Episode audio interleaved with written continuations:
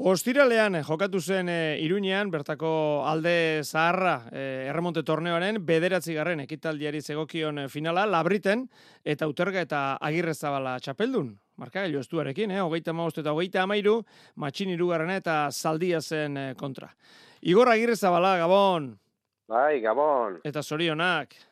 Bai, eskarrik asko. Marka gailu estua azkenerako, naiz, e, ia partida guztian zehar, aurretik izan zeneten.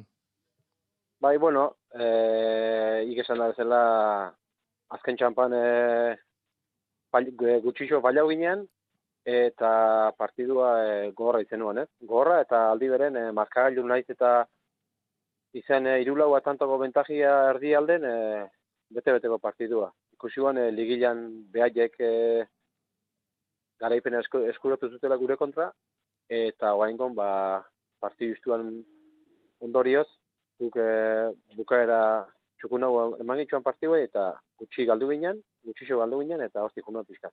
Beraz, e, bete-beteko partida, e, ikuslentzat ere gozagarri izan nuen, Igor?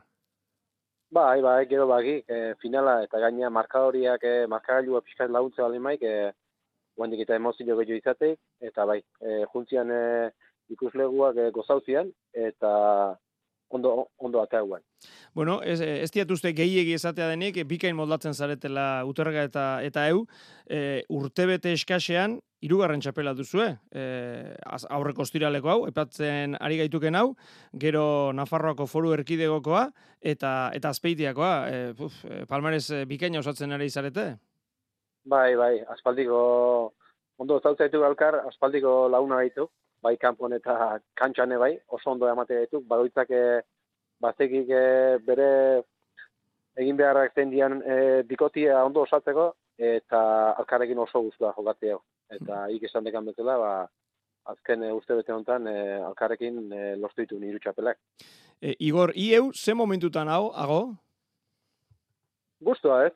E, Oen naiz da geure e, urte batzuk geuki, e, ilusioakin e, aigeitu, eta azken pinen e, niko ikustiat. Eik e, irolian e, ilusioa eta prepatzeko gogoa baldin maukak, eta azken pinen e, horre, horrek betetzea, unibizat horrek betetzen atxik, eta momentu e, politian, eta gero gaina baola txapelketak e, irabaztia lortzekanen, eta horrek beti mateik ba, bai segitzeko, bai preparatzeko eta eta plus puntu bat beti matei.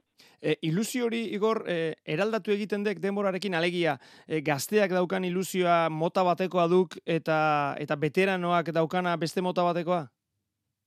Bueno, gaztetan e, nahi izatek e, oso ambiziozua eo, eo danak e, arapauna izateetuk eta oain berriz pues, pixkat e, buruakin gehiago jogatzek, e, kantxan eoten e, gehiago dakik, esperientziak e, hortago balia izateik, eta oain e, gaztek bat hau enpresan, gazten kontrare jokatzi hau, eta pixkat e, gure armak ba hortik baliat, baliatzizki hau. Esperientzia, kantxan eoten, eta eta tantua burrukatzen, eta aldan gutxina galtzen. E, hau bukatu dek, orain erremonte enpresako remontistei, zer tokatzen zaizu, eh? Bai, ba, oain e, aste santutako egun hauek e, deskanso izango izkiau, eta justu apirilak amagostian, aste haituk e, udabarriko torneuakin. Eta udabarriko torneu hau e, bukauko e, San Juan buelta hortan, ekaina azkenian, eta udabarriko torneu izangoek e, Nafarron e, iruña inguruko herritan jokatuko jo. Eta gero, gero, gero bai, udara bete-betean. Hori, eh? gero ondoren e, torreko dituzke San Ferminak, San Fermintzeko torneua, eta horrekin batea, ustaila aseran hasi eta udarako parte guztin, e, foru komunidadeko berriz beste txapelketa jokatu mm Eta pixkat hortikan.